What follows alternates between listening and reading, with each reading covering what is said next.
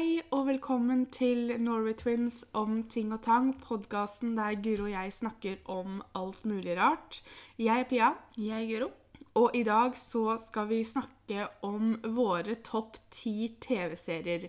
Vi har hatt en lignende podkast der vi snakka om filmer. Og vi har også fått deres favorittserier, som vi kommer til å gå gjennom på slutten. Overraskende vanskelig for noen som ser så mye på TV, å plukke ut bare ti serier. Altså, jeg er ganske sikker på at jeg har glemt noen. Eller at det er noen jeg helst skulle sikkert ha bytta ut istedenfor de jeg har skrevet her. Det her er de som falt meg inn først. Jeg hadde et tøft valg å ta, og jeg vet jeg er overdramatisk om det, men det var tøft, for jeg har nettopp funnet en ny serie som på en måte har smettet inn på andreplass over alle mine favorittserier.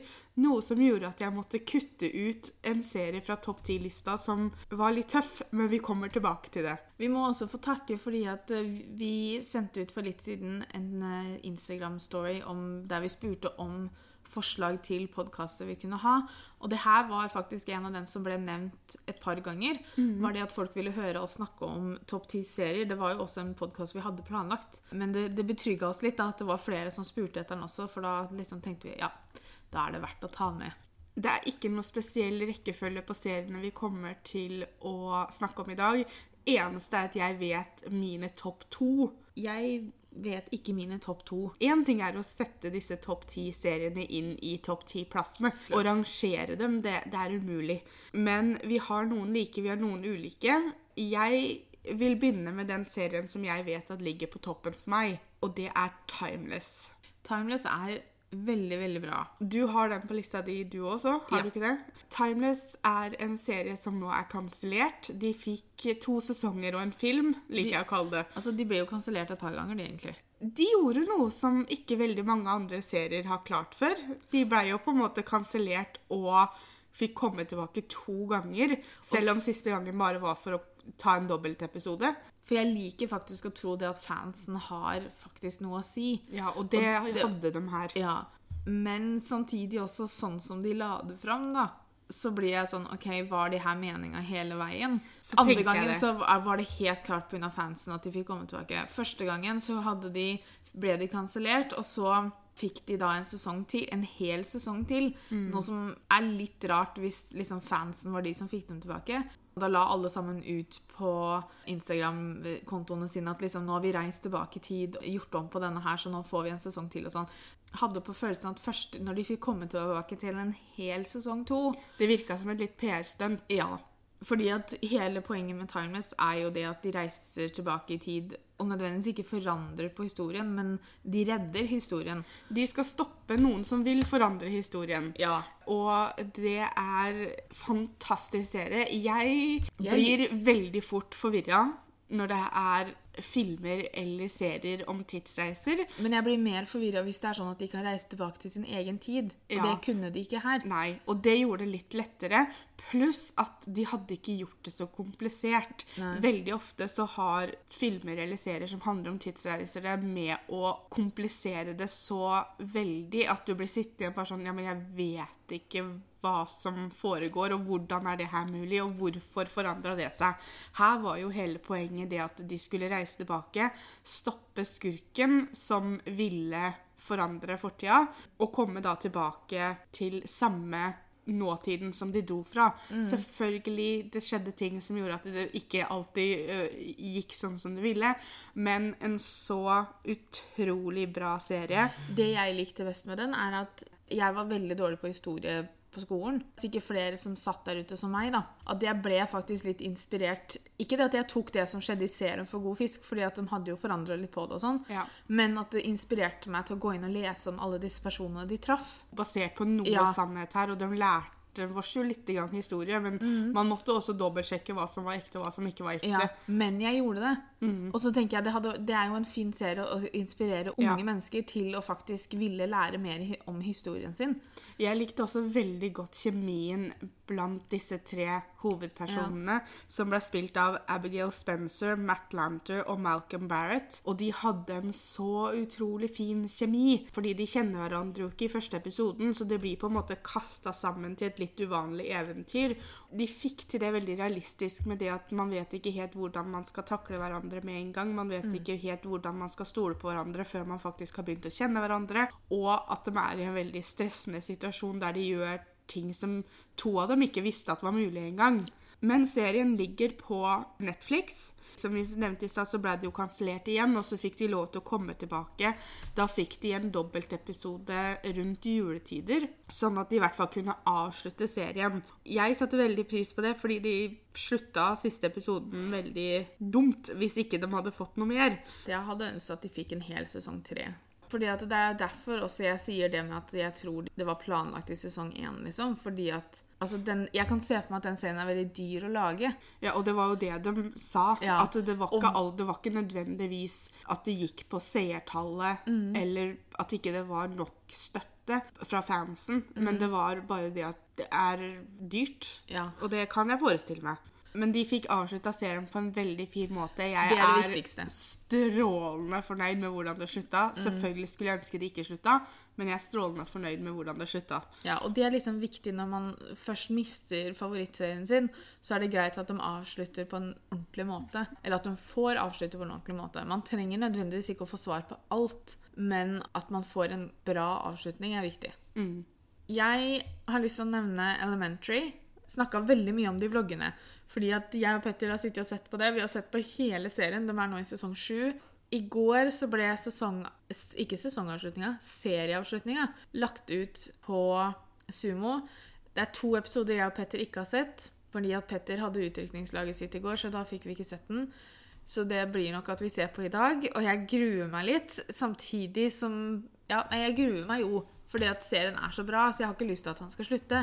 Men det er, det er greit. Igjen så visste de at de skulle De visste at de var ferdig, de visste, så de fikk avslutte på en ordentlig måte. De fikk grunna av, på en måte. Det er jo den beste måten å få avslutte på, da. Ja. Så selv om man ikke vil at serien skal slutte, så syns jeg det er veldig greit. Jeg, jeg liker den. Det er da en Sherlock Holmes-versjon-serie. Første sesongen har jeg Ja. sett. Du bør se hele, fordi at det blir bare bedre og bedre. Jeg Eh, liker veldig godt han som spiller Sherlock Holmes. Ja, og det er Johnny Lee Miller. Han er da britisk, som Sherlock. Og Lucy Liu spiller da Joan Watson. Jeg likte også det at de har tatt Watson som dame. Ja, Og det jeg tror jeg faktisk liker best med den serien her, er at de ikke har tatt de to sammen. At ikke det skal være noe romantisk mellom dem. Det er veldig lett å gjøre det, føler jeg, når du har en serie som hovedkarakteren er mann og dame, og ikke det er noe etablerte forhold fra før, holdt jeg på å si. Men det er også veldig ofte at det er en av de tinga som trekker seere, da. Fordi de får en investering i det forholdet og vil se hva som skjer, og det Ja. trekker folk. ikke sant? Det er derfor de ofte gjør det, tror jeg. Men det som er at du har aldri vært i tvil om hvor mye de bryr seg om hverandre. Mm. Det har bare aldri vært noe romantisk. De er bestevenner, de bryr seg veldig om hverandre. Og jeg syns det holder. Akkurat i den scenen her tror jeg det kunne vært veldig forstyrrende hvis det skulle vært et romantisk forhold. Hvis de hadde valgt å gå den ruta, så hadde det passa til hvordan karakterene deres er. Men jeg er veldig glad for at de ikke gjorde det. Men det har vel han som har lagd serien, og skuespilleren har sagt helt siden Ja. begynnelsen, at det aldri kom til å bli noe der. Men serien er morsom. Den er spennende. Det er jo en slags poteserie. Ja, Det som igjen fascinerer meg, er hvordan de nå i syv sesonger har klart å gjøre at sakene i seg selv gjør serien interessant. F.eks. i Castle, ikke sant? også en politiserie. Men du hadde den underliggende romantiske 'vil de, vil de ikke bli sammen'-type tingen, ikke sant? som gjør at seerne kommer tilbake. Her er det kun på en måte sakene, og ja, personlige forhold og sånn, men det har egentlig aldri vært noe fokus på romantikk i den serien i det hele tatt. Jeg mistenker at før, og jeg er veldig glad for at det har forandra seg, når man lagde disse type politiseriene, eller Mm. disse La oss kalle det actionseriene, da, Mm. som kanskje veldig mange så for seg at dette er en veldig sånn gutteserie. Ja. At de slang inn det romantiske, for de skulle også trekke damepublikummet. Og jeg sier ikke det at ikke menn kan være interessert i det romantiske delen, eller at damer ikke kan være interessert i politidelen, men jeg liker at vi nå utvikler oss til det at det er ikke det første de tenker på. At hvordan skal vi gjøre denne serien interessant for damer? Jo, Ja. vi må få inn noe romantikk, for ellers så vil de ikke se på. Ja, nei, for Det har vært romantiske forhold, men det har aldri vært fokus på det. Det har aldri Nei. vært sånn en storyline som trekker ut i det vide og det breie fordi at oh, romantisk og sånn. Jeg må jo også si det at denne serien har, har jo gjort meg til en amatørdetektiv. Selvfølgelig. Jeg Men- kunne fint starta et privat etterforskerfirma nå, tror jeg. Gjort det bra og cirka, sikkert. Ja, ja. Hvis det hadde vært disse sakene. For jeg, jeg pleide, vi gjorde det til en sånn greie om at vi gjett, Eller vi, vi gjetta ikke, det var en profesjonell vurdering eh, om hvem som var morderen da, i hver episode. Når du sitter og ser på en TV-episode, så ser du mye mer enn det du hadde gjort som en detektiv Jo da. og en privat privatetterforsker. Det er derfor jeg måtte ha disse sakene på firmaet mitt, da, for da hadde liksom løsningsgreia blitt veldig høy. Ja. Jeg går videre med min nummer to-serie, for da har jeg liksom tatt for meg de to plassene jeg vet at er på toppen. Og da går vi videre til den nyeste serien jeg har sittet og sett på hele greia av på Netflix. Det har gått én sesong til i USA som ikke jeg har sett ennå, for den ligger ikke på Netflix, og den ligger ikke ute noe sted som jeg får sett, og jeg lurer på om Netflix bare kan legge den ut snart. Ja, Men vet du noe om når den kommer? Nei. Jeg har prøvd å sjekke det ut, men jeg fant, han har kommet på Netflix i USA allerede, men de er jo litt kjappere. Og det er da The Hundred. Det er en serie som hadde premiere i 2014, og jeg så første sesongen rundt da. Jeg tror vi ble liksom litt sånn fascinert av den, og så begynte vi å se, og så datt Ja, vi av ganske For du og jeg satt jo og så på, på første ja. Vi så hele. Jeg hadde i hvert fall sett hele, men jeg vet ikke hvor lenge du Jeg så innbiller på. meg bare at jeg så sånn fire episoder eller noe sånt. Nei, okay, men, ja, for eh, jeg, når jeg begynte å se på det på nytt nå, så innså jeg at jeg hadde sett hele første sesongen. Men jeg har jo fått med meg hva som har skjedd, for jeg har jo lest om serien, og jeg er jo fan av skuespillerne, så derfor så hadde jeg liksom fulgt med litt, sånn som jeg alltid gjør når det gjelder serier.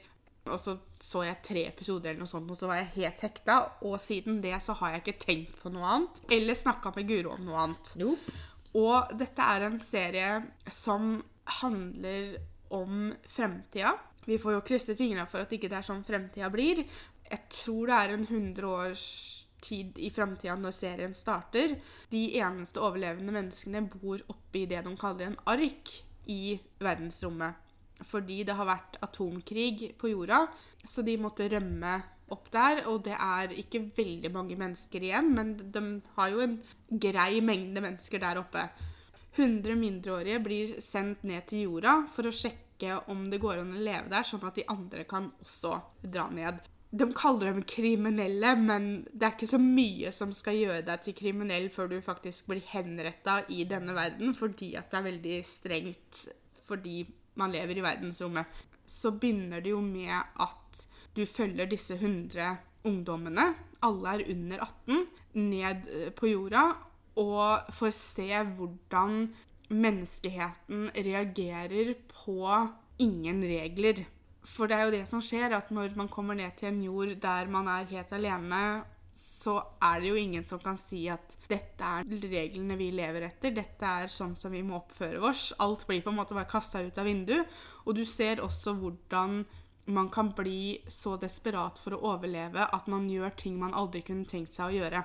Det er jo litt sånn Survivor-type ting, holdt jeg på å si. Ja, bare til de ekstreme grader. Ja, og så er det ikke reality-TV. Og mye av det som gjør serien, er karakterene. Og hvordan karakterene utvikler seg. Som regel for det bedre, men noen også går jo selvfølgelig andre veien. Du blir så fascinert og knytta til de karakterene. Det er i hvert fall sånn jeg ser på TV. At det er veldig vanskelig å komme over akkurat den serien der. Og jeg har nå begynt å se på serien på nytt sammen med mamma. Vi har kommet til sesong to. Jeg skal dit senere i dag og se på flere episoder, og jeg gleder meg. Mamma stakkars er et nervevrak innimellom, men sånn er det når det er spennende. Neste serien min er Lethal Weapon, og da tenker jeg egentlig bare på de to første sesongene. Den fikk tre sesonger, men tredje sesongen eh, tror jeg vi så to episoder av, og så falt vi helt av. Jeg tror jeg endte opp med å se fem, men eh, det var bare fordi at jeg var sta og skulle se Ja, og Lethal Weapon er jo da en serie som er basert på filmen med samme navn som Mel Gibson spilte i. Jeg og Petter satt og så på den, og vi syntes den var spennende og morsom, og så politiserie. Og når det er politiserie, så må det være litt morsomt òg, tror jeg, for ellers så kan det bli veldig alvorlig. Og det er da Damon Waynes, Waynes jeg vet ikke hvordan man sier navnet hans, og Clayne Crawford, som spiller da Martin Riggs og Roger Murtha. Det endte med at han Clayne fikk eh, sparken etter sesong to. Og da syns jeg på en måte at hele serien forandra seg, for da ble det ikke det samme. Han var jo en av de beste tinga med hele serien. Altså, De skulle jo nødvendigvis være så veldig gode venner på kamera, men de hadde veldig bra kjemi. da. Så det ble liksom noe av morsomhetene. Jeg syns ikke han Er det Sean William Scott han heter? Han som tok over? Ja. Jeg syns ikke nødvendigvis han gjorde en dårlig jobb, men når du er så fan av en serie, og så blir det den skiften i det, så er det litt vanskelig å komme inn i det igjen. Ja. Det kan skje. Vi har jo et fint eksempel på at det går an seinere eh, i podkasten, men akkurat her så fikk jeg ikke helt grep på det igjen. Etter at, det- og det er grunnen til at jeg ikke har den serien på lista mi i det hele tatt. Ja, jeg måtte ha den med, for jeg er så glad i de to første sesongene. Tror jeg har sett alle filmene. Jeg tror ikke jeg har sett en eneste film. Hvis ikke jeg tar helt feil, så er det tre filmer. Og jeg tror jeg har sett alle sammen. Er det tre filmer? Det er i Hvem hvert fall vet? to. Ja. Jeg, har sett, jeg tror jeg har sett alle, men jeg likte serien mye bedre. Men det er litt fordi at nå begynner jo filmene å bli litt gamle, og de, de har moderni- modernisert det litt. Og, og jeg likte veldig godt denne action-delen, da. Regs var jo veldig uforutsigbar, noe som stressa meg litt. Jeg tror ikke jeg hadde klart å jobbe sammen. For det var litt sånn Ja, nå hopper vi ut dette vinduet. Og så gjorde man bare det. og sånn kunne jeg bli litt stressa. Det jeg likte mest med serien, tror jeg, var humoren. Selv om det var veldig mørkt til tider. Hvordan man takler sorg og sånne ting. Men så var det morsomt allikevel.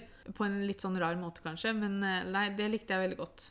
Så de to første sesongene av Lethal Weapon er det veldig verdt å se.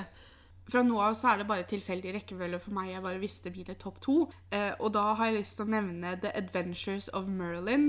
Ligger på Netflix. Er en serie jeg hadde sett egentlig ganske mye av sånn klipp. Ikke, Jeg hadde aldri sett en hel episode, men jeg hadde sett en del klipp på YouTube. Så jeg hadde sett en del klipp sånn her og der. Jeg visste veldig lite om hva som foregikk rundt klippa.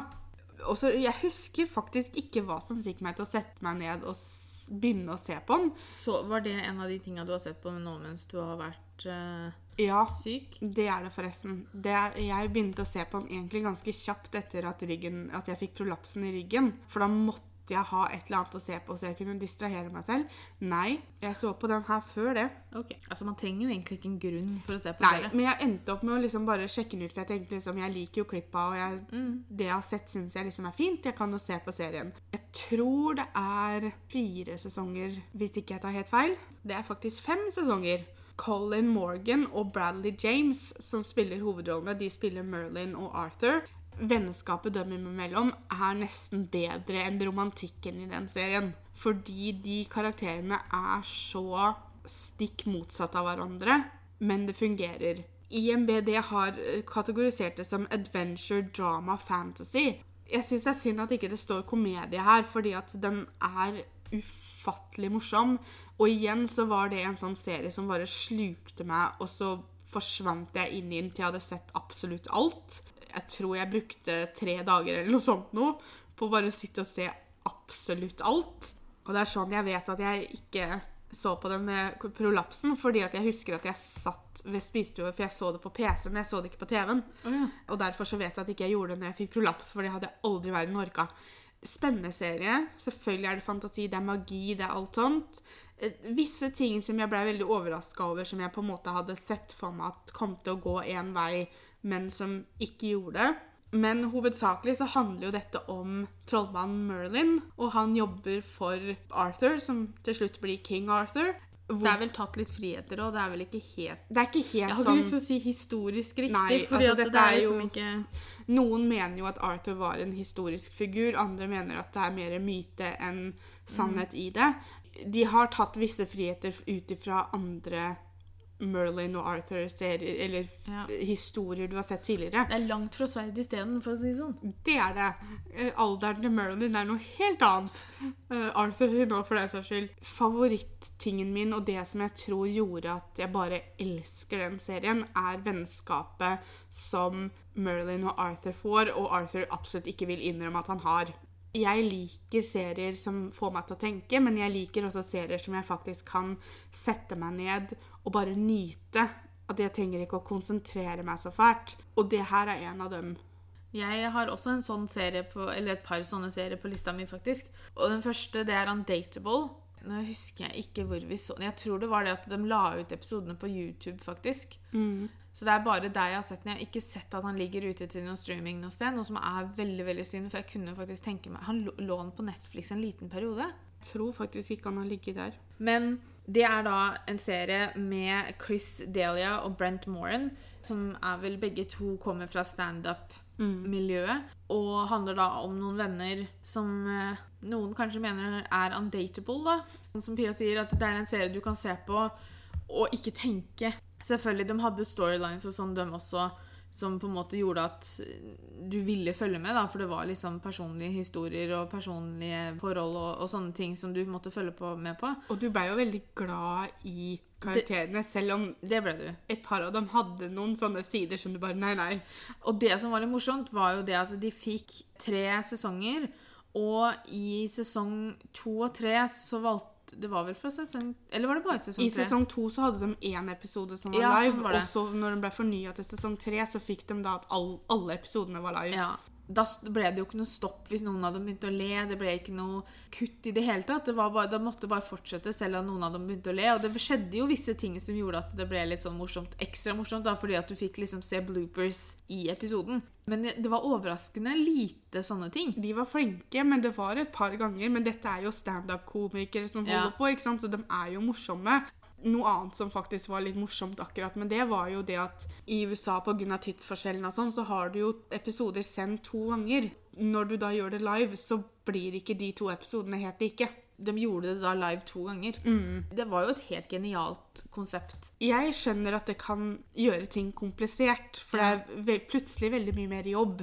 Det her, men det her er en sånn serie som det funker. De hadde liksom kanskje to sett de brukte. Ja. Du kan ikke gjøre det med en politiserie, liksom. Altså, det går jo ikke. Nei. Så det her var en perfekt serie å gjøre det med, og jeg likte den serien veldig, veldig godt. Jeg kunne ikke snakke om favorittseriene mine uten å nevne serien som drømmekjæresten min eh, spilte i, og det er Chuck. Zachary Levi spiller verdens største nerd som ender opp med å bli spion pga. en slags harddisk blir lasta inn i hodet hans, og han plutselig ser ting han ikke helt vet hvor kommer fra, og etter hvert så, så kan han også på en måte laste ned kunnskaper og egenskaper fra denne harddisken. Før i tida, som man kan kalle det, så måtte jeg hele tiden forklare Pia forskjellen på Zachary Levi og John Krasinski. Hvem, var- hvem av dem var det igjen? Hvem, var, hvem er det som spilte der igjen? Og jeg bare Nei, Zachary Levi er han som spiller i Chuck. Og John Krasinski er han som spiller i, i The Office. Ja, ja, ja, ikke sant? Og så neste gang hun så dem, hvem av dem er det igjen? Både Chuck og The Office er jo på lista di, vil jeg tro. Og nå, altså, du kunne jo ikke tatt feil av dem om du hadde prøvd engang. Nope. De er like, de skal ha det. Og jeg har sett intervjuer med begge skuespillerne der de har snakka om at de blir tatt for å være den andre. Så det er Ja. ikke bare jeg som synes de er like. En av de andre hovedrollene ble jo spilt av Yvonne Strahovski. Jeg vet ikke om jeg sa navnet hennes riktig, men det er jo nå hun som spiller i The Handmaid's Tale. Men det var en så utrolig morsom serie. Tror serien nesten var ferdig igjen innen jeg oppdaga den, fordi jeg oppdaga den når jeg begynte på høyskolen i Halden. Ja. Og det var jo i 2011, for da måtte jeg ha et eller annet å se på, for jeg satt veldig mye på rommet mitt. Forelska meg helt i Zachary Levi og Chuck, egentlig. Guro liker å si at jeg har en type pers eller type mann jeg har dem å falle for. Chuck er et veldig fint eksempel på det. Ja. Jeg liker å tenke at serien slutta med sesong fire. Det gjør nesten vondt å si det, men de tok en rute med sesong fem som jeg tror de dreit seg litt ut på. De henta seg inn grann, men de visste også at det var siste sesongen deres. Og jeg føler at de avslutta serien litt for åpent Ja. til at jeg skal sitte igjen fornøyd. Det er litt sånn med How I Met Your Mother, selv om den ikke er på lista mi, at jeg bare ignorerer siste sesongen, og så tenker jeg på serien for det den var, og det den ga meg, og så er det noe av det beste jeg har sett. Ja. En komiserie til er Baby Daddy, og den fikk jeg sett et lite øyeblikk fordi at han lå på Netflix sånn i to sekunder eller noe. Den har seks sesonger, og jeg har ikke sett Jeg tror det er de to siste. Men igjen, her også var vi heldige at de la ut noen av episodene på YouTube. De lå der bare lite grann. Selvfølgelig så vil jo ikke TV-selskaper sånn at man skal legge ut hele episoder av ting på YouTube. Som regel så var det sånn som med Hallmark-filmene, at du kunne se det dagen etter, og så forsvant det. Baby Daddy er en serie med Jean-Luc Bil Bilodeau. Fint ikke jeg skal lese opp noen sånne nominasjoner eller noe sånt noen gang. Derek Thieler, Melissa Peterman, Chelsea Kane og Taj Mori.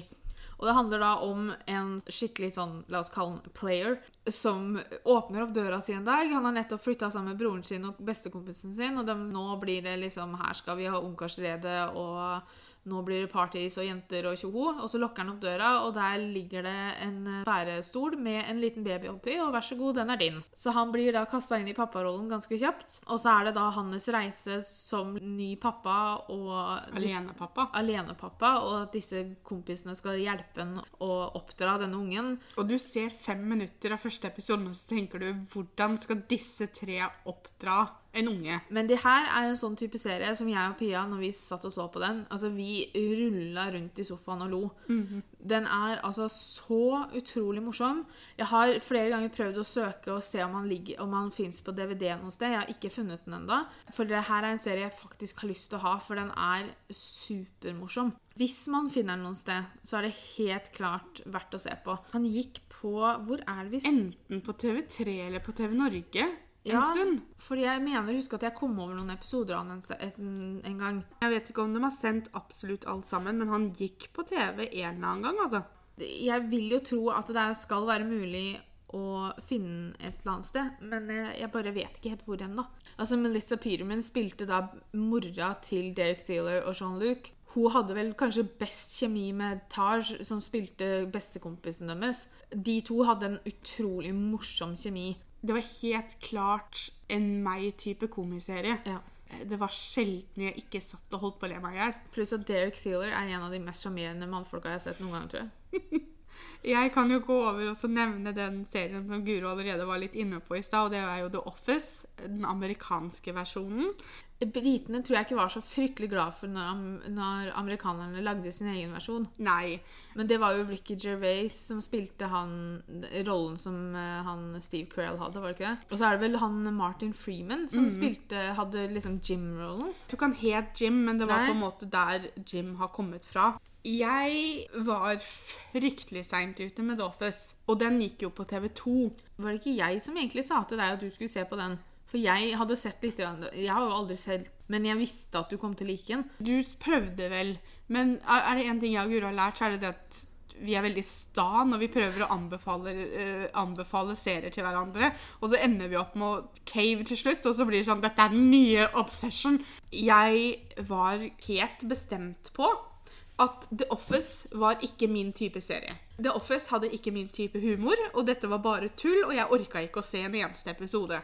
Og igjen så begynte jeg når jeg så, begynte på Høgskolen i Halden å se på serien. John Krasinski er en av grunnene til at jeg falt pladask. For han som Jim er definisjonen av drømmemannen. Hvor har vi hørt det før? Om Chuck. Ja. Men de er ganske like, som vi også snakka om. Ja. Så de faller liksom un, inn under min type mann. Personlighetene deres også er jo veldig sånn quirky, morsomme, sjarmerende fyrer. Så Ja. Og Steve Carell er fantastisk i den rollen. Jeg var veldig spent når Steve Carell eh, slutta, og jeg trodde liksom det at OK, det her kom til å ødelegge serien veldig. Det blei noe helt annet, men det er en utrolig morsom serie. For jeg trodde det kom til å være sånn overdreven humor. Det er jo til det til tider, Det, det er det. jeg. Det er noen av karakterene som du blir litt sånn Å, tenk om det er folk som er sånn her. For det var jo et kontor med veldig mange rare mennesker. Men humoren var ikke så overdreven som jeg trodde. For jeg trodde det kom til å være veldig sånn bæsj, tiss, promp-humor. Og det er et par av karakterene der som er kanskje mer i den kolonna enn noe annet. I kombinasjon med alle andre så funka det. Og så liker jeg veldig godt den dokumentarstilen som det er filma i. For du Ja. glemmer nesten litt grann at du sitter og ser på en scripta serie. Det hjalp veldig. De gjør mye rart, og de jobba lite, så jeg vet ikke helt hvordan den bedriften ikke gikk konk lenge før serien slutta. Nei, det er absolutt en av de beste. Jeg går eh, kjapt gjennom komiserien. Jeg tydeligvis tar vi nå. Neste er That's So Raven, som er en eh, Disney Channel-serie med Raven Simone, Orlando Brown og Annelise Vanderpool. Det handler om Raven som er synsk, så hun får sånne syn. og de, hun, ser jo aldri de syn, hun tolker dem aldri riktig, da, så det blir bare sur og kaos. Jeg tror ikke det var den eneste episode som hun tolka det riktig. Nei, men det er en sånn typisk Disney-serie, noe som jeg og Pia elsker. Og den var utrolig morsom. Igjen en serie som vi kunne sitte og le skikkelig høyt av og lenge. De har også fått en oppfølgerserie som heter Ravens Home, som ikke jeg har sett nok, til, nok på til å vite, men jeg, men jeg liker den òg. Vi har vel sett hele første sesongen igjen fordi de la ut episodene på YouTube. Ja, og så Eh, så vi noe på Disney Channel før jeg mista den. Ja, Den òg var morsom, men That's So Raven var liksom, det var noe spesielt med den serien. Den var fantastisk morsom. Det morsomste med den serien var jo det at hun kledde seg som regel ut til et eller annet i løpet av episoden. Ja, Og hun er en fantastisk sånn karakterskuespiller. Skuespiller. Ja. Hun tar sånne ting på strak arm. Jeg også har en komiserie som jeg kan jo slenge med nå, når vi først er inne på litt humor. Det er Brooklyn 99. Tror at temaet for denne podkasten når det gjelder meg, er serier jeg var sent ute til. Ja, for den òg var det vel en serie som jeg sa til deg at var morsom. Du har sagt det, men det var faktisk Robin som overbeviste meg om å se på den. Ja. Fordi at det er jo en av favorittseriene hans. Adam Sandberg er helt genial. Selv om det er en komiserie, så har du de litt mer alvorlige øyeblikka. Det er jo faktisk en politiserie, eh, men mer en komiserie enn en, enn en dramaserie. Men du har dramatikk, og du har alvor, og de, det er situasjoner de kommer opp i som faktisk kan være litt skumle, både for dem og for meg, som sitter og ser på. Men det er bare så fantastisk bra skrevet. Ja. Peralta, som da er karakteren til Adam Sandberg, du blir litt sånn Åssen er dette en person som er politi? Hvordan går det her? Hvorfor skyter han seg ikke i leggen hver eneste vakt? Fordi han er litt all over the place, han er litt goofy og sånne ting, men samtidig så er det en utrolig bra politimann. Eller han er vel faktisk detektiv, når jeg tenker etter.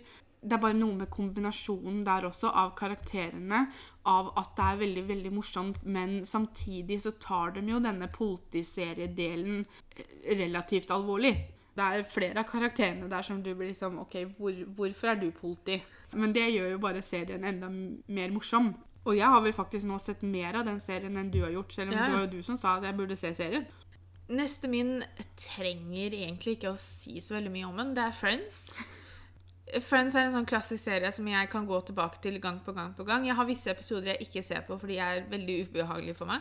Blant annet episoden når Ross og Rachel slår opp første gangen. Eh, klarer ikke å se på den, vil ikke se på den, så den hopper vi elegant over. Ja. Hvis man går tilbake, så kan man se et par vitser som ikke helt er politisk korrekte, kanskje. Det var en serie med veldig lite På engelsk så kaller de det diversity, men jeg klarer ikke å komme på hva det ordet er på norsk. Ja, de hadde Carol, for eksempel, som var lesbisk, men det var jo som regel også litt sånn poenget i vitsene, for eksempel. De hadde karakteren til Aisha Taylor som kom inn, som var en African American, men ellers så så du veldig lite til på en måte mangfoldet, da. Hadde serien kommet ut i dag, så hadde det ikke funka. Men det er en serie jeg liker å gå tilbake på og se. Jeg er veldig glad i sesong 10. Eller jeg er egentlig veldig glad i sesongene etter at Chandler og Monica ble sammen. Det er som Um, regel, Hvis jeg skal sette meg ned og se på serien fra begynnelsen, Mm. så begynner jeg som regel med den sesongen når de starter i England, når Ja. de begynner og skal liksom holde ting skjult, og så ser jeg derfra og ut. Ja. Veldig, jeg syns det er veldig hyggelig når Ross og Rachel er sammen. Og for et par som har veldig stort fokus egentlig i hele serien, så er de faktisk overraskende lite sammen, hvis er man tenker etter. Men, men altså, Friends er en fantastisk morsom serie, og jeg vet at skuespillerne er- litt sånn at de vil ikke gjøre noe mer, for de har ikke lyst til å ødelegge på en måte det Jeg ser den, ja, altså. Jeg gjør det men hadde de bestemt seg for å, å gjøre noe mer, så hadde jeg vært første som hadde sett det Selvfølgelig. Sånn. Men- Jeg hadde stilt meg i kø med en gang. Men Men, det er jeg, sånn kan skjønne, jeg skjønner dem, at ikke de har lyst til å ødelegge det Friends er, for Friends er jo veldig ikonisk, egentlig. Jeg merker jo bare det nå, hvis du ser på f.eks. Veronica Mars, da, som er Mm. en serie som du og jeg har elska. Og så fikk de filmen. Den også syns jeg var kjempefin. Og så fikk de nå da på Hulu så fikk de en kort sesong. Og nå har ikke jeg sett den sesongen, og jeg kommer heller ikke til å se den sesongen. For Nei. nå igjen så føler jeg at de har ødelagt for seg selv igjen. Ja, Later som den ikke fins. Det er ikke nødvendigvis det at det er dårlig, det er bare at jeg liker ikke det som skjer. Og Veronica Mars også er en serie som kunne fort vært på denne lista, men den rakk bare ikke helt opp. Nei. Og Friends er jo den serien som jeg nå sist måtte kutte ut for å få plass til The 100 på lista mi. Ja. Noe som satt langt, langt inne, men av alle seriene jeg hadde på lista mi, så var faktisk Friends den jeg kunne kutte. Men det gjorde litt vondt. Men hadde det vært en topp 11-liste, så hadde Friends så hadde vært med. Friends vært med. Neste min er en eh, politiserie. Liker politiserier veldig godt. Det er jo morsomt. Det er en av favorittsjangerne mine. Men jeg syns også det blir mer spennende når det er en politiserie med en liten twist i. At for eksempel sånn som Criminal Minds, du følger ikke nødvendigvis rene FBI-agenter, men de driver med profiling, så det blir en litt annerledes. Castle, der hadde du en politi og en forfatter som jobba sammen.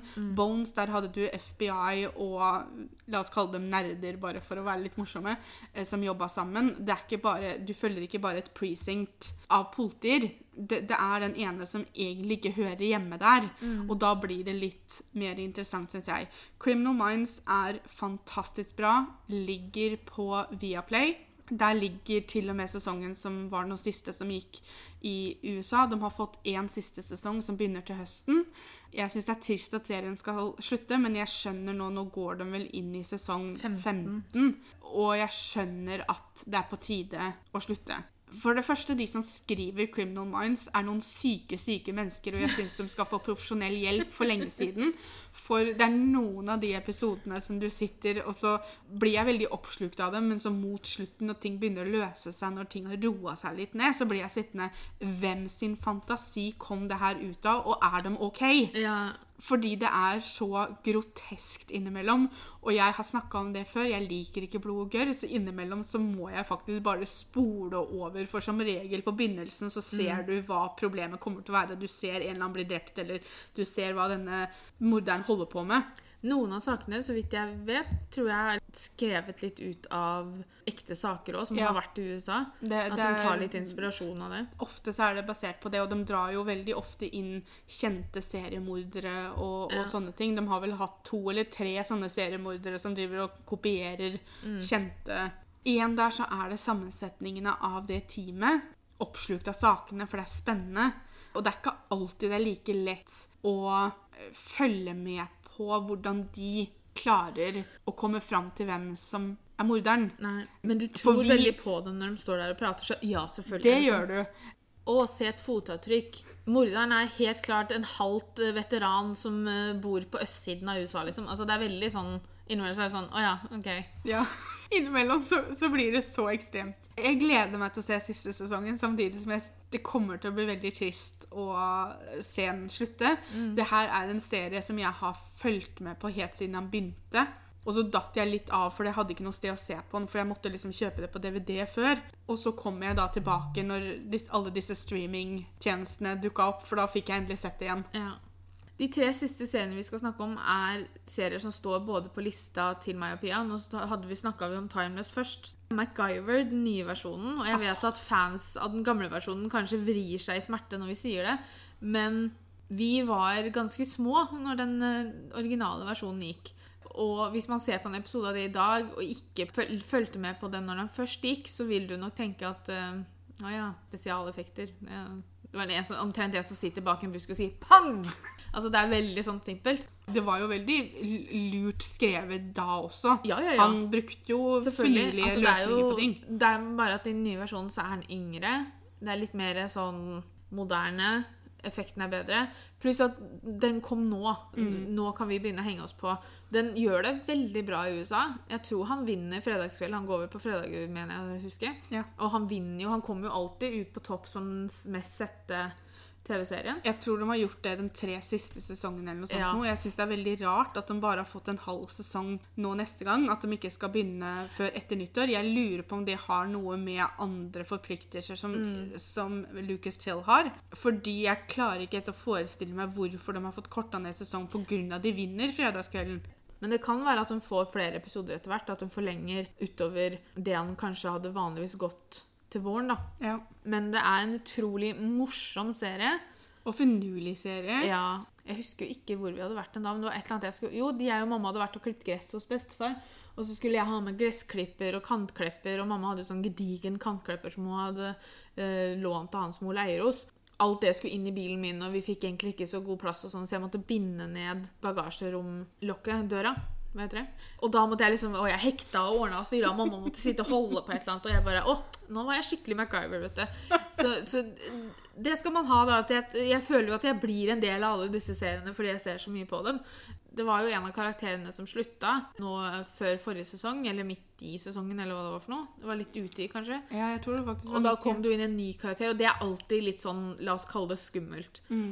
Vi snakka jo litt om det i stad. Ja, fordi at det kan funke, og det kan ikke funke. Jeg syns det funka. Den var heldig. Det funka veldig godt. Jeg savner Jack, men samtidig så er det også det at det, det går uten. Ja, fordi jeg tror der gjorde de noe riktig. De tok inn igjen, og så la de inn litt kjemi mellom hun og MacGyver. Så du ble litt investert i det istedenfor å tenke at å, Jack er borte. Så ble du faktisk litt Oi, Hvor skal men dette gå? Ja, hva er dette her for noe? Mm. Blikk og sånn, ikke sant? Så jeg vil anbefale å se på den serien. For jeg, jeg, hvis man klarer å legge bort originalen hvis man var fan av den, og se på det for det den er, det er en yngre versjon av MacGyver, det er en moderne Ikke se på det som samme ting. Nei. Se på det som en ny Ja. serie. Ikke sammenligne det. Hvis man liker gamle MacGyver, så tror jeg man også kan like den her. Men det er veldig her. mange som ikke gjør det. Ja, men, men jeg, jeg syns han er veldig bra. Nå har vi vært inne på litt grann det med at karakterer slutter, eller skuespillere slutter. Og da kan vi gå inn i neste som vi har felles, Mm. og det er Charmed. Å, den beste serien ever. Jeg tror det er min nummer én, faktisk. Virkelig en av de beste. Ja. Det er en serie jeg og Guro vokste opp med. Vi, var helt, vi hadde helt dilla. Vi hadde så lyst til å finne en sånn magisk bok som gjorde at vi ble hekser og sånn, men Ja. den gang ei. Nei, det, Eller wink, wink. Hvem vet? Eh, Det er ikke akkurat noe vi kan legge ut om på YouTube. De fikk åtte sesonger. Mm. Og de fikk avslutte på en fantastisk måte. Jeg En tror, av de beste avslutningene jeg har sett noen gang. ja, jeg tror den seriefinalen den er høyt oppe altså, Mhm. på, på seriefinaler som faktisk du blir sånn Ja, det kan slutte nå, faktisk. Hadde gjort meg noe om det kom tilbake. No. De, de mener jo at de har gjort det, men denne rebooten den snakker vi ikke noe om. Nei, den er teit. Charmed handla jo da om tre søstre som plutselig finner ut at de arver magiske krefter fra sin bestemor og mor, som de ikke har visst om. Og disse søstrene ble spilt av Holly Marie Combs, Alyssa Milano og Shannon Dorothy. Er det Dorothy hun heter, eller Dor... Dor jeg, jeg tenker det er Dorothy. Hun oh, sier det på en sånn Dor... Jeg husker ikke hva hun heter. Det er i hvert fall hun som spilte Brenda i Beverly Ja. Hills 90210. Og etter sesong tre så slutta Shannon. Dette her var før internetten tok helt av. Det var før vi leste spoilers på internett. Og det var før man liksom på en måte fikk informasjon om at denne skuespilleren slutter i den serien, denne skuespilleren skal nå gå videre til det. Jeg husker at det var noe prat om det. Ja, men jeg tror vi leste det i Se og Hør av alle ting. Og jeg husker også at vi leste om hvem som fikk rollen, Ja. og at jeg ble sånn «What? Ja, for, da, for det var da Rose McGowan, McGowan? McGowan, et eller annet. Og det hun var kjent for til vårs, var jo at hun hadde på seg en gjennomsiktig kjole og var kjæresten til Marilyn Manson. Ja. Og vi var sånn OK. Hun spilte vel også i første Skrik-filmen, så spiller hun Ja. bestevenninna til Sydney. Jeg var veldig skeptisk fordi at Charmed var livet vårt Mm. på den tiden. Men det var også på den tiden der vi ikke så serien før en god stund etter eh, USA, fordi at den, vi måtte vente til det kom på TV, og på den tiden så tok det jo kanskje et halvt år før ting fikk lov til å begynne å sendes på norske TV-er. Så vi lå langt etter uansett. Jeg har ikke noe lyst til å si at jeg syns det fungerte bedre med Rose, som da kom inn og spilte Page, enn Prue, som Shannon spilte. Nei, Det ble annerledes. det ble det. Men det vil- var jo også det fordi at det ble veldig mørkt en periode, ikke sant? Ja. Det skal, de hadde klart å fortsette. Fordi jeg tror altså, Mye av hvorfor jeg likte den serien, i hvert fall, var jo søskenforholdet til de tre her. Og da når en av de går ut, så blir jo det veldig trist, og så skulle det komme en helt ny en inn. Hvor du var litt sånn småskeptisk til skuespilleren. Men, men jeg syns det fungerte veldig bra. Og igjen så er det en sånn type serie som er morsom, spennende og dramatisk samtidig. Pluss at det da handler om overnaturlige ting som jeg og Pia er veldig veldig glad i. Nei, Charmed står veldig, veldig høyd, høyt oppe for meg. Jeg Absolutt. tror det er min nummer én, altså. Jeg tror kanskje han deler plassen med neste serie, som er Teen Wolf. Det er jo siste serien vi skal snakke om. Mhm. Og her kommer denne staheta inn igjen. Jeg begynte å se på Teen Wolf når de var i sesong to. Dette var en MTV-serie. En helt typisk meg-serie. Det handler om en gutt som går på high school og blir da bitt av en eh, varulv og blir til varulv selv. Og så er det da hans reise om hvordan han skal takle denne forandringen, som er en ganske stor forandring. Og så får han hjelp av bestekompisen sin, som er en utrolig smart fyr, men kanskje ikke den beste innimellom til å takle stressende situasjoner. Og det er da Tyler Posey som spilte Scott, og Dylan O'Brien, som på en måte nå har tatt over verden snart, eh, som spilte Styles. Og det er en så fantastisk serie. Jeg husker jeg satt inn på rommet mitt og så på den. For hver episode jeg så, så gikk jeg inn til Guro og så sa jeg, Guro, du er nødt til å se på Teen Wolf. Du er nødt til å se på Teen, Teen Wolf. Og Guro bare nei.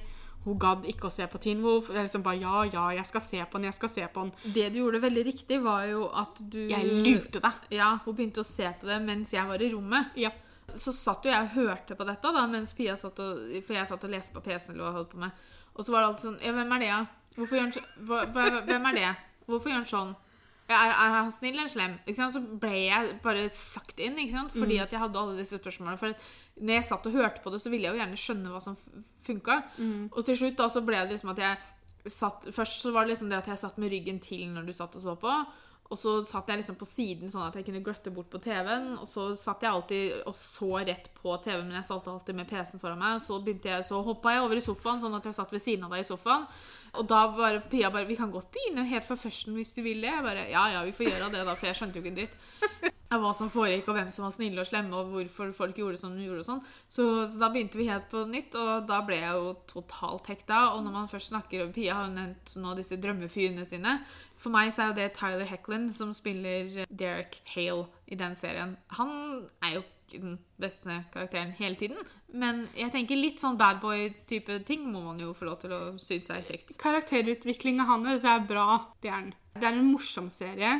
Igjen også slutta på en veldig bra måte. De visste at de var i siste sesongen sin, det var sesong seks. Avslutta på en litt åpen måte, men ikke en sånn åpen måte at du blir sånn Ja, men hva skjedde her? Men de ga seg selv muligheten til å plukke det opp senere, hvis de får muligheten. Ja. Og jeg håper de får det, for jeg er fornøyd med, med plattet og hvor, hva ting skjedde og sånn, men man vil jo gjerne bare se mer til karakterene. Ja. Det var jo da våre topp ti serier. Gud, som vi kan prate om TV. Ja. Som vi nevnte tidligere, eller i førsten av podkasten, så spurte vi jo dere hva deres favorittserie var, og vi fikk en lang liste med masse forskjellig. De to seriene som fikk flest lyst til å si stemmer det, men den, de to seriene som flest sa til oss, var Side om side og Friends. Ingen overraskelse at Friends er med der. Nei. Men vi tenkte vi skulle gå gjennom dem. Det er mange her jeg og Pia ikke ser på, bare sånn at det er sagt. Den første var Sons of Anarchy. Den har jeg sett overraskende mye av. Jeg har sett overraskende mye klipp. Jeg har sett episoder, for han gikk på NRK3 eller noe sånt, noe sånn seint på kvelden. Okay. Og jeg ble sittende og se på episoder av den serien, og det er jo absolutt ikke helt min type serie, for der var det altfor mye mord og ordnings og styrings. Ja. Men jeg har sett ganske mye av den. Sånn sett så er det en bra serie. Men det er ikke min type serie, på en måte. Så det er liksom ikke noe jeg kunne tenke meg å sette meg ned og begynne å se på. Jeg klarte aldri helt å forstå om jeg syns de var gode eller ikke. Altså, de er jo, de er jo kriminelle. Ja. Og de er jo ikke nødvendigvis the good guys. Og da er det litt vanskelig for meg å sitte og se på serien om dem, for du blir litt sånn Ja, men skal du gjøre sånn, da? men jeg ble vel kanskje mer fascinert, tror jeg. Ja. Og det er derfor jeg har sett såpass mye. Paradise Hotel. Eh, ellers takk, orker ikke. Jeg tror ikke jeg har sett en eneste episode av den norske versjonen. Jeg prøvde, men jeg ga fort opp. Jeg ser ikke på det som underholdning. Ja, For det er ikke underholdning for oss. Nei. Jeg vet, da- altså, Min svigersøster elsker Paradise Hotel. Fordi hun syns det er kjempegøy å se på. Ikke nødvendigvis fordi det er så interessant, men det blir morsomt da. Ja. Av karakterene, ikke karakterene, men personene som er med. The Sopranos. Sett noe klipp, men Igjen ikke min type serie. Jeg har sett litt sånn klipp her og der på YouTube, og så vet jeg hvordan hele serien ender. Men det, Jeg skjønte har- ikke slutten i det jeg har- hele tatt. Men det er sikkert fordi vi ikke har sett serien, da. Ja. Glee. Da sang det i hjertet mitt. Akkurat som de synger i Glee. Jeg elsker Glee. Jeg, jeg har sett alle episodene. Det var jo noen år som vi nesten ikke hørte på noe annen musikk enn sangene fra Glee. Nei, og jeg elsker den serien. Jeg skal si det at jeg falt litt av etter at Corey Monteith døde. For jeg syns ikke det ble det samme. Jeg tok det veldig hardt. Ja. For å være helt ærlig. For jeg var så glad i både skuespilleren og karakteren at det, ble, det ble ikke det samme for meg etter at han døde. Men jeg har sett det, og jeg likte slutten, og jeg syns de avslutta på en veldig fin måte. Ja, det syns jeg òg. Jeg har Men- ikke sett alle episodene i siste sesongen, men jeg har sett sist, alle siste. har jeg sett. Ja. Så er det da Side om side. Jeg har sett noe klipp av den fordi jeg liker NRK Underholdning på Facebook. Og de legger gjerne ut klipp fra den serien. Og det er, det er nok morsomt, men det er litt sånn klein humor. Og Og det er ikke jeg så veldig glad i. Hva er den heter? Den Helt perfekt eller noe sånt med Thomas Giertsen og sånn. Det blir sånn humor som ikke jeg syns er morsomt i det hele tatt, for det blir mest kleint Mm. og flaut. Og da, da, da får jeg vondt inni meg, så jeg klarer ikke. Best før, det er den nye til Line Skåber. Den tror jeg nok kunne vært bedre for meg, men jeg tror fortsatt den også er litt sånn klein. Frustrerte fruer. Den var det fire som sa. Det også er en serie jeg har sett veldig mye av. Jeg fulgte veldig med på den Ja. eh, før. Og Jeg, jeg, tror har ikke jeg har sett, sett alt. jeg har sett siste sesongen. Uh, Men jeg tror det er et par sesonger inni der som ikke jeg har sett. Ja. For jeg elsker jo å se på serieavslutninger. ja.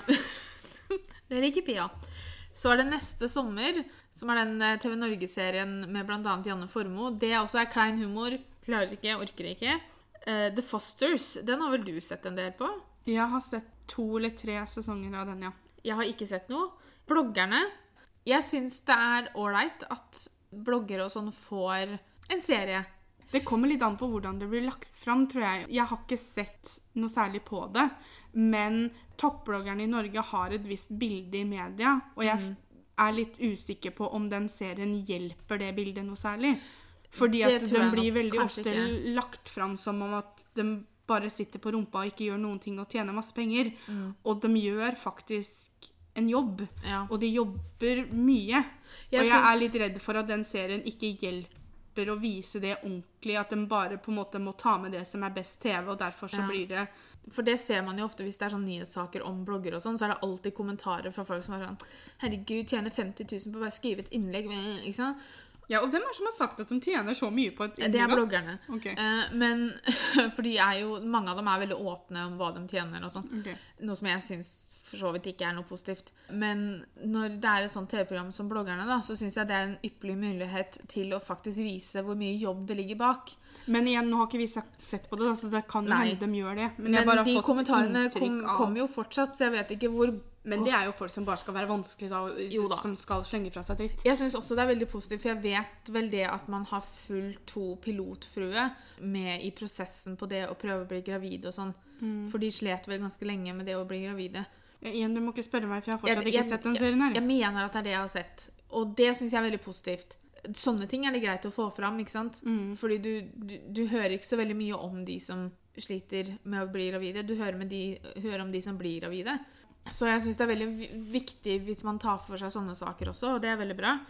Generasjon Z, vet ikke hva det er. Jeg lurer på om det er noe som ligger på Netflix, men jeg er ikke helt sikker. Hjerteslag, vet ikke hva det er. Ikke jeg heller. Skam og hjelp. Det var det mest spurte spørsmålet sånn helt i Først, tror jeg, når vi holdt på med YouTube. Så Ja. Har dere sett Skam? Kan dere se på Skam? På hver eneste livesending så fikk vi spørsmål Har dere sett Skam. Dere må se på Skam. Skam gjorde noe helt fantastisk. Fordi Skam var ikke bare en serie for ungdom, det var også en serie som voksne så på. Og Ja. et litt de, de, de ga et fint innblikk i hvordan faktisk det er å være ungdom i dag. De har jo helt klart gjort noe riktig, for den har jo den har kommet på fransk, den har kommet på amerikansk, den har blitt dubba til gud vet hvor mange språk. Den serien var noe helt annerledes enn det man har sett før. Jeg tror nok jeg hadde likt den hvis jeg bare hadde satt meg ned og sett på den, men det er bare at jeg har ikke fått gjort det ennå. Liksom. Nei. Så er det Stranger Things. Jepp, jepp, jepp. Ah, Veldig bra. Veldig jeg bra. har ikke, fortsatt ikke fått sett sesong tre. Nei, ikke jeg heller. Men den er Mamma kommer til å klikke vinkel snart. Ja, altså, den er skummel. Den Det var får- den, den første sesongen òg. Ja, men det er det jeg mener. Hele serien Ja. får hjertet mitt til å slå litt ekstra. Mm. Uh, så jeg kan ikke se på den på kveldstid, og jeg kan ikke se på den alene. Og jeg liker best å se på den alene, for da kan jeg spole over det jeg syns er skummelt. Ja, eller jeg må ha Petter her, sånn at han kan passe litt på meg. Så går det fint. The Walking Dead. Sett masse klipp, les masse om den. Har aldri sett en eneste episode. Det er faktisk ikke noe jeg har sett noe særlig klipp fra heller. Jeg tror det meste jeg har sett av The Walking. Dead, er den parodien til uh, The Hillwood Show. The Big Bang Theory. Jepp, jepp, jepp. Veldig morsom. Jeg har ikke sett alle sesongene, men jeg har jo sett seriefinalen, og den også slutta jo veldig, veldig bra. Utrolig morsom serie. Det var en serie vi, som kom til rett tid. Den kom vel sånn noenlunde samtidig som How I Met Your Mother, hvis ikke i hvert fall mens How I Met Your Mother Ja, gikk. jeg tror den begynte sånn cirka likt, kanskje. Og du fikk en veldig sånn Friends-feeling over det. Mm. Men det var helt annerledes karakterer, og det var en type karakter som vi virkelig trengte å se mer til på TV. Ja. Det er noe helt spesielt med den serien, altså. Prison Break. Ikke sett. Jeg har sett den igjen. Mye klipp, men ikke sett på selve serien. Nei. Jeg tror, Jeg jeg tror det også er faktisk en av favorittseriene til uh, Robin. The Office. The Handmaid's Tale. Ikke sett, vil ikke se, orker ikke. Jeg Den har, er sikkert kjempebra. Den men- er veldig bra, men den er fæl. Ja, og jeg orker ikke. Jeg får så vondt inni meg. Så er det The Crown. Den også har jeg jo hørt veldig mye om. Har ikke sett på den ennå, men den skryter de jo veldig av, så den kunne jo sikkert vært eh, interessant å se på. Once Upon a Time. Der har jeg sett mye, men jeg har ikke sett alt. Jeg har sett alt unntatt siste sesongen. Jeg føler også at de ødela litt for seg selv med siste sesongen, som flere serier vi har snakka om i dag. Jeg tror de kunne hatt godt av at når så mange av disse hovedskuespillerne som hadde vært med helt siden begynnelsen, uttrykte at de hadde lyst til å slutte. Nå vet jeg Jeg tror de fleste av de valgte å slutte sjøl. Ja, Noen det. av de i hvert fall. Det beste de kunne ha gjort da, var å si, vet du hva, nå er det på tide å så takke for oss. Ja. Istedenfor å prøve å gjøre noe annet ut av det som For det ble jo en helt ikke annen serie, på en for måte. veldig mange. Ja. Og det var jo derfor de også bare fikk den ene sesongen og ikke noe mer. Ja. Jakten på tungtvannet. Jeg har, jeg har hørt om den, men jeg klarer ikke helt å plassere hva det er. Mot i brøstet. Åh, klassiker fra når vi var yngre. Ja, den så vi mye på. Modern Family. Sett igjen masse klipp, sett noen episoder. Men vi prøvde vel å begynne å se på den, men så klarte vi kom jo oss jo aldri forbi episode to eller noe. Jeg har begynt å se på serien et par ganger, Mm. og så har jeg sett en episode her og der. Jeg har sett bloopersen en del, fordi Ja, for det er morsomt. bloopersen til hun eh, Sofia Vergara. de dem er det beste du noen gang kommer til å se. Grace Anatomy. Der har jeg faktisk sett alt. Det er for mye drama, altså. Sorry at jeg sier det. det jeg ser Sykehusserier digger jeg. Men akkurat Grace Anatomy, det er så mye drama at det bikker litt over for meg. At jeg De har jo nå holdt ikke. på i veldig mange sesonger, Altså, De skal vel inn i 15 nå, de òg? Skal de ikke det? 16 skal de kanskje inn i. hvis ikke de skal opp i 17. Men det er veldig rart å tenke på at de begynte før Criminal Minds. Men nå har det nesten blitt sånn at det har bare alltid vært der. Ja. Euphoria. Den har jeg hørt veldig mye bra om, men jeg har ikke fått sett på den ennå. Ikke sett på den, men eh, absolutt noe jeg tror jeg må få med meg. Chernobyl har jeg hørt mye om, men ikke sett. Den har skrevet veldig mye om nå i det siste. Ja. Denne kom jo ikke for så veldig lenge siden heller. Nei, det har vel bare gått én sesong, tror jeg. Ja. jeg. 911. Åh, jeg har sett første sesongen. Jeg digger den. Jeg gleder meg til sesong to blir lagt ut et eller annet sted. For jeg vet at han går på Fox-kanalen på TV. Da må jeg liksom holde av en tid da, for å se på den. Så jeg vil gjerne Og se alt sånn på en gang. ser vi ikke på TV lenger. Nei, herregud. Her skal vi ha alt eller ingenting. Working Moms har jeg hørt om, tror jeg, men jeg klarer igjen ikke å plassere den. Nei. Big Little Lies. Hørt om, lest mye om, ikke sett. Nei, ikke ennå. Men jeg har Men lyst til å se den. ja, de sier jo at han er veldig bra. Gilmore Girls. Elsk. Gammel favoritt. Ja. Og jeg likte veldig godt de fire nye episodene de fikk for noen år siden. Jeg har fortsatt ikke sett dem. Men vi satt jo og så på dem sammen. Nå må du rulle inn, da. Har jeg sett dem? Ja, Da vi har de ikke gjort noe Vi inntrykk. var jo i London når de ble stoppet, så vi satt jo i London og så på i hvert fall én av dem. Altså, Da har ikke de gjort noe inntrykk på meg. Jeg trodde ikke jeg hadde sett dem. jeg. Men greit. The Following. Tror jeg vet hvem det er, men jeg har ikke sett den. Bosch. Har ikke peiling. Law and Order SUV. Der snakker vi om serier som har mange sesonger. De skal vel inn i sesong 21 eller noe. Ja, det er gått i alle år. Det er en sånn serie som hvis jeg kommer over den på TV, så stopper jeg opp og ser på den. Jeg har ikke sett på den fast noen gang. Nei, men ligger den ute noe sted? Ja, jeg mener at jeg har sett den på Viaplay eller et eller annet. Ok, Fordi at det er faktisk Jeg syns det er en veldig spennende og utrolig bra serie. Mm. Men som sagt, så jeg ser bare på den når jeg kommer over den. Jeg glemmer på en måte å sjekke om han ligger ute noe sted. Det er ikke mye jeg har sett sammenhengende. The Good Place, Den har jeg sett. den har jeg også sett. Men jeg tror ikke jeg har sett siste sesongen som gikk Jeg nå. har bare sett første sesongen, for det er den eneste som ligger ute på Netflix. Har vi ikke sett sesong to heller? Nei, og de, har jo, det jo noe, de skal vel inn i sesong fire, som er siste sesongen Ja. deres. Og jeg har bare sett første sesongen, ikke okay. to og tre. Jeg trodde vi hadde sett to, men eh, nei da. Så er det How I Met Your Mother, serien som irriterer meg over alle irriterer-serier. Hadde det ikke vært for siste sesongen og hvordan den serien slutta, så hadde den nok ikke klart å komme helt opp på lista mi, men han hadde vært mye høyere enn det han er i dag. Jeg er irritert over hvor mye tid jeg har investert i den serien, og hvor bortkasta det var. For meg så er avslutninga så idiotisk at jeg blir irritert av å tenke på det. Men jeg merker det at jeg blei så skuffa over hvordan de gjorde den serien, at det har ødelagt resten av serien også. Jeg har ikke lyst til å se på den serien i det hele tatt. Jeg. Jeg skal, jeg skal innrømme det. At det var veldig underholdende å lese sånn som Twitter, Instagram, kommentarfelt dagen etter den finalen hadde gått. Fordi at det var uproar så det holdt. Så er det The Rain. Vet ikke. Nei. Hunting Hill House. Nei, vet ikke. Er ikke det den eh, nye som kom på Netflix eller noe? Jeg vet ikke, men det høres ikke Hunting Hill høres ikke ut som noe jeg skal se på, for det høres skummelt ut. Ja. Legends of Tomorrow, sett noe. Jeg har sett en del. Shameless, ikke sett, men lest og sett litt klipp og sånn. Jeg har sett overraskende mye, men jeg fikk aldri helt tak på den, jeg. Så er det Black Mirror. Får Fikk- masse skryt Ja. nå. Nå, nå, den er ferdig. Jeg er ganske sikker på at det er flere år siden den var ferdig. For jeg tenker på riktig serie nå, ikke sant? Med hun dama som spilte alle disse karakterene. At ikke jeg snakker om feil serie. Ja, du snakker om feil serie. Å ja. Hva er Black Mirror, da? Hva er det jeg snakker om, da? Jeg vet ikke, men Black Mirror, den går fortsatt. Ha. Hva i alle dager er det jeg tenker på, da? Skjønner du hvilken serie jeg snakker om? Ja, men jeg husker ikke hva den Hva er. Black Mirror, da? Jeg tror Black Mirror er den serien som Miley Cyrus hadde oh, ja. episode av nå for litt siden. Herregud, hvilken serie er det jeg tenker på, da? Jeg husker jo ikke hvem som spilte inn heller, så jeg får ikke slått opp. Men jeg vet hvem du snakker om. Å, ja, hun, hun jenta som spilte sånn fire-fem eh, Ja. forskjellige karakterer og sånn. Ja, nei, eh, never mind. Og så helt til slutt Alt for Norge. Det er en koselig serie, Det er en jeg. koselig serie. Jeg men ser ikke så mye på den, Nei. Mm. men jeg eh, så på de første sesongene, men nå har jeg jo ikke TV. Så det er alltid like morsomt å høre disse amerikanerne prøve å si brunost og sånn. Det jeg likte med den serien, for noen ganger så tar du det litt for gitt landet du bor i. Mm. Å se noen som kommer helt fra USA, og gleden de har av å være i Norge, gleden de har av å få lov til å oppleve klassiske norske ting, eller hva man skal kalle det, det får deg til å sette pris på landet ditt på en ny måte. Jeg blir så lei meg når noen må dra hjem og ikke få møte familien sin. Fordi at Men de får kontaktinformasjon, så de har mu mulighet Ja, til å kontakte dem.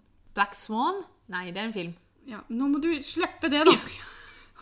Jeg trenger hjelp til å finne ut hvilken serie det er. Men ja, ja.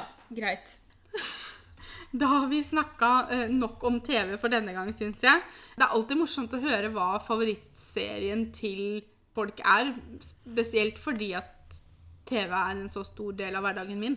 Og så er det liksom så ofte det er serier som ikke vi ser på. Ja, og da får man litt tips, og så sjekker man dem ut, og så kanskje man finner en ny favorittserie. Tusen takk for at dere har hørt på i dag. Tusen takk for at dere har tilbrakt mye tid sammen med oss i dag. Yep. Eh, Vi kommer tilbake neste søndag med en ny episode, og så snakkes vi. Ha Ha det! det.